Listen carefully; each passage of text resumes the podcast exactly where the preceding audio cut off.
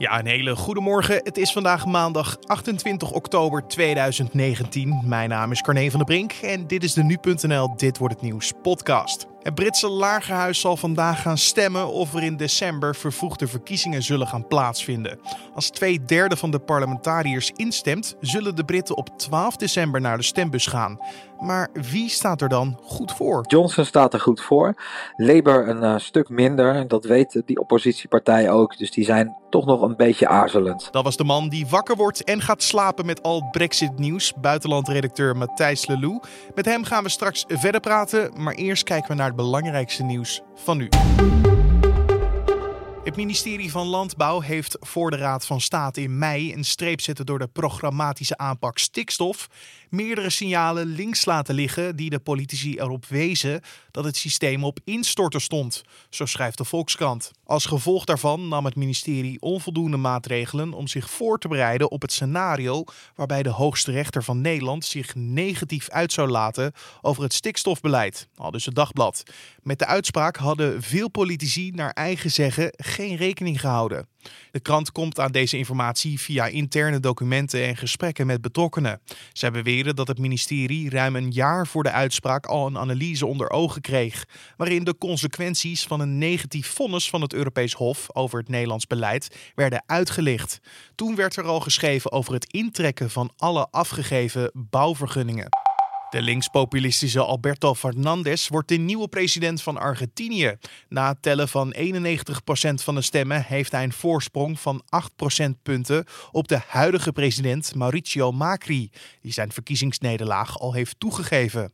De linkspopulistische Fernandez beloofde in zijn verkiezingsperiode dat hij lonen gaat verhogen. Mede daardoor werd hij de absolute favoriet voor het presidentschap, alhoewel critici met grote vraagtekens achterbleven. Zij vragen zich af hoe de aanstormende stormende president zijn plannen wil uitvoeren, omdat het land sinds medio 2018 in recessie verkeert.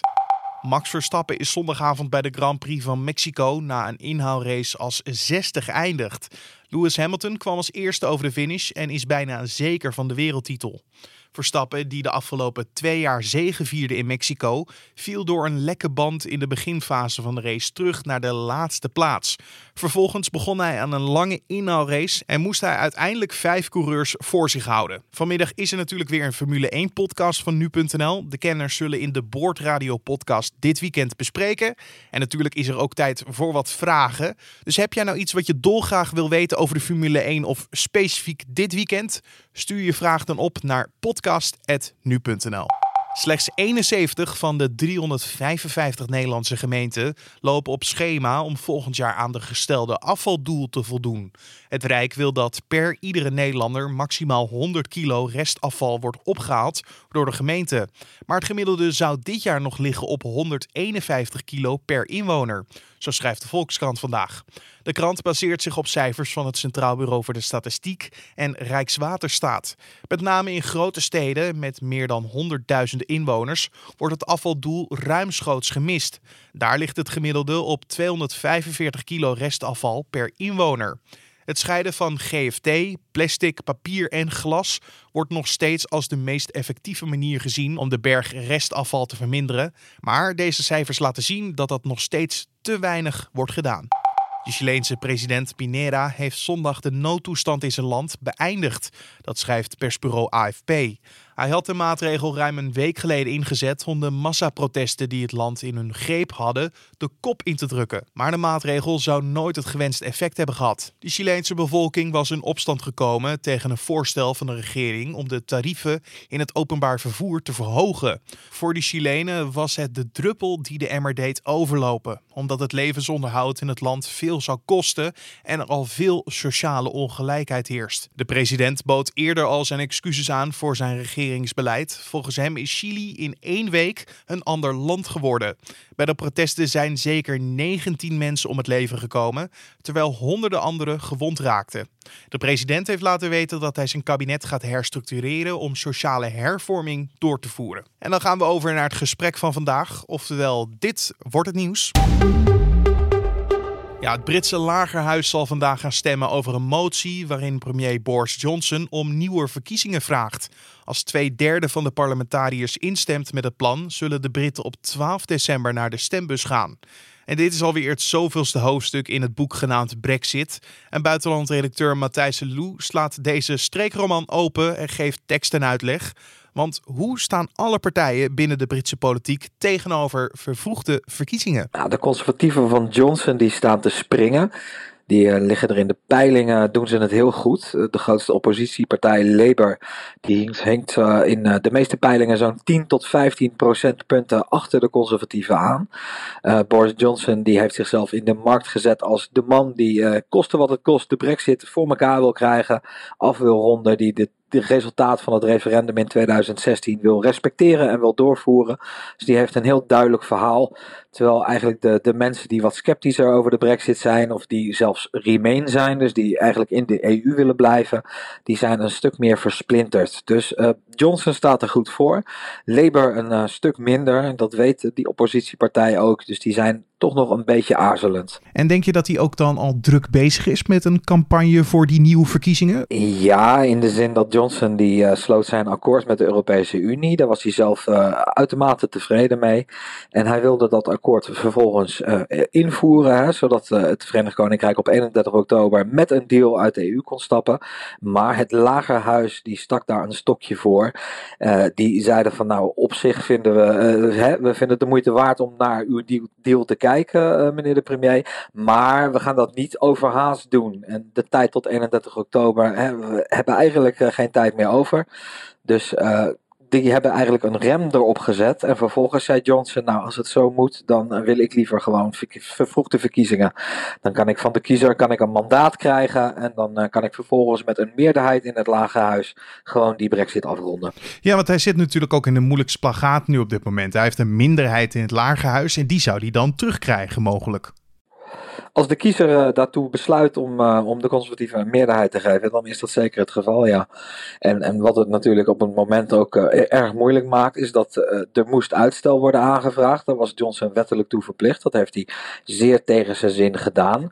dat uitstel, de Europese Unie, die heeft ons nog niet laten weten of dat ook daadwerkelijk wordt verleend.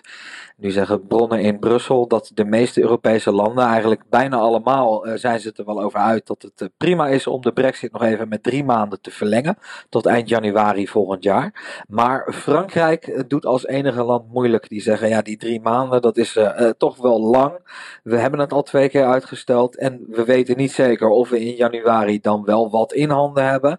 Dus eigenlijk komt het erop neer dat Brussel naar het Britse lagerhuis kijkt. Die wil kijken in hoeverre Johnson zijn akkoord dan ook ingevoerd kan krijgen. En in het Britse lagerhuis zit Labour. En die zeggen van, nou, we willen eerst zeker weten dat een no-deal Brexit is uitgesloten. Dat kan alleen als de EU ons uitstel heeft verleend. En pas dan gaan wij akkoord met nieuwe verkiezingen. Dus uh, Londen kijkt naar Brussel, Brussel kijkt naar Londen en verder staat het eventjes stil. Maar in wat voor rare situatie zitten wij dan nu? Want de ene partij is dan aan het kijken naar de EU, de andere partij kijkt dan weer naar de oppositiepartij, de andere kijkt weer naar de hele Britse politiek. Het is toch een beetje elkaar afwachten, kijken wie straks met wat komt. Dat is een raar, raar gegeven, toch? Ja, vooralsnog zit er niet heel erg veel schot in. Het is ook zeer de vraag, uh, om nieuwe verkiezingen uit te schrijven heb je een tweederde meerderheid nodig in het Lagerhuis. Uh, dat betekent dat Labour eigenlijk wel moet meedoen. Labour heeft in feite een veto uh, hierin. Mm -hmm. En zoals de zaken er nu voor staan, gaat Johnson vandaag zijn verkiezingen er niet doorheen krijgen. Ja, en dan blijven we eigenlijk waar we vorige week ook waren. Nee, want als dat gaat gebeuren, dan is er ook mogelijk nog een plan B, toch? Ja, dat is een, een proefballonnetje dat uh, is opgelaten door uh, de kleinere oppositiepartijen, de Liberal Democrats. Dat is een, een echte Remain-partij.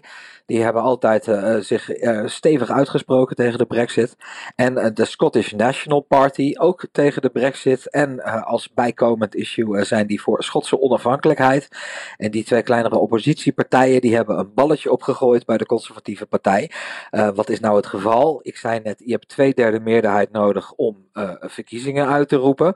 Maar de wet die dat bepaalt, die kan ook worden aangepast eventueel. En om een wet aan te passen heb je een simpele meerderheid, dus meer dan 50% nodig. Dus mogelijk, hè, mogelijk ligt er als alle andere opties wegvallen, langs die kant nog een soort van sluiproute naar nieuwe verkiezingen. En zou dit dan ook iets zijn voor Johnson wat hij ook gelijk aanmoedigt? Dat hij aanvoelt, oké, mijn eerste plan plan A krijg ik er straks niet doorheen. Laat ik mijn pijlen vestigen op plan B? Het zal ongetwijfeld uh, een uh, overweging zijn. Kijk, in uh, 10 Downing Street weten ze ook donders goed hoe de verhoudingen liggen in het lagerhuis. Weten ze ook dat twee derde meerderheid erg moeilijk bij elkaar te krijgen is. De Liberal Democrats en de SNP die hebben dit plannetje al eerder geopperd. geopperd. Toen uh, hield de conservatieve partij de boot nog een beetje af. Die zeiden van ja, dit is een beetje een trucje. Maar zoals ik net zei, als alle andere opties wegvallen, dan uh, is misschien het trucje de enige optie die je nog over hebt. Los van wat er vandaag uh, besloten wordt, um, als die vervoegde verkiezingen er niet komen, die ver verkiezingen komen er uiteindelijk wel aan. Maar in welke tijdspanne moeten we dan denken? Ja, dat is de grote vraag. Dat er verkiezingen komen, dat is uh, wel zeker. Want uh, de zaken zitten muurvast in het Britse parlement. Maar de grote vraag is wanneer. Johnson wil heel snel verkiezingen op uh, 12 december. Dat is de vroegst haalbare datum. En daar zit een stevige deadline op. Die tijd die, die begint al aardig te dringen. En Labour als grootste oppositiepartij. Kijk, het is ongekend dat een oppositiepartij zegt wij willen geen verkiezingen. En dat is het hele raison d'être van een oppositiepartij. Die willen de regeringspartij verslaan en zelf gaan regeren. Maar er zit bij Labour de angst zit er goed in. Ten eerste vanwege die ongunstige peilingen. En ten tweede omdat een heleboel uh, parlementariërs van Labour echt zeker willen weten dat het Verenigd Koninkrijk niet zonder deel uit de EU klapt. Dus om, dat al, om alles, om iedereen mee te krijgen, dat uh, wordt nog een flinke uitdaging. Maar ja, als je de brexit hebt gevolgd, dan weet je, niks is onmogelijk. Je hoorde buitenlandredacteur Matthijs Lelou. En dan nog even een ander agendapunt voor vandaag. Want in de rechtbank van Den Haag begint de inhoudelijke behandeling tegen man die verdacht wordt van het voorbereiden van een aanslag op Geert Wilders. Junaid I werd in augustus 2018 aangehouden nadat hij op Facebook een video zou hebben gedeeld waarin hij een aanslag aankondigde op de PVV-leider of het gebouw van de Tweede Kamer. En dan nog even het weer. De dag begint met veelal zonnige periodes, maar in de loop van de middag gaat het omslaan. Dan drijven wolkenvelden het land binnen die enige regenbuien met zich meebrengen. En met maximaal 12 graden is het opnieuw vrij koel vandaag. En om af te sluiten nog even dit. Een verloren gewaand schilderij van de Italiaanse schilder Cimabue uit de 13e eeuw is zondag in Parijs geveld voor ruim 24 miljoen euro. Het schilderij hing jarenlang zonder dat iemand het wist in een Franse keuken. En door deze grote opbrengst treedt het toe tot de lijst met de 10 meest dure en oudste schilderijen ooit. Al dus The Guardian. De titel van het doek is De Bespotting van Christus en het gaat om een klein schilderij dat onderdeel is van een reeks van de Florentijnse schilder rond de jaren 1280. Afhankelijk was de waarde van het schilderij geschat op zo'n 4 tot 6 miljoen euro. het is niet duidelijk wie het schilderij heeft bemachtigd, maar diegene zou een aantal internationale musea hebben afgetroefd. En dit was dan de Dit wordt het nieuws podcast voor deze maandag 28 oktober. Je kan ons laten weten wat je van deze podcast vindt, want als je het een leuke podcast vindt of een interessante, laat het dan ook weten in een recensie in iTunes of laat 5 sterren achter als recensie. Je kan ons ook helpen met feedback via de mail door een mailtje te sturen naar podcast.nu.nl. Verder vind je deze podcast elke maandag tot en met vrijdag om 6 uur ochtends op de voorpagina van nu.nl en in je favoriete podcast-app. Mijn naam is Carne van der Brink. Voor nu wens ik je een fijne dag en tot morgen.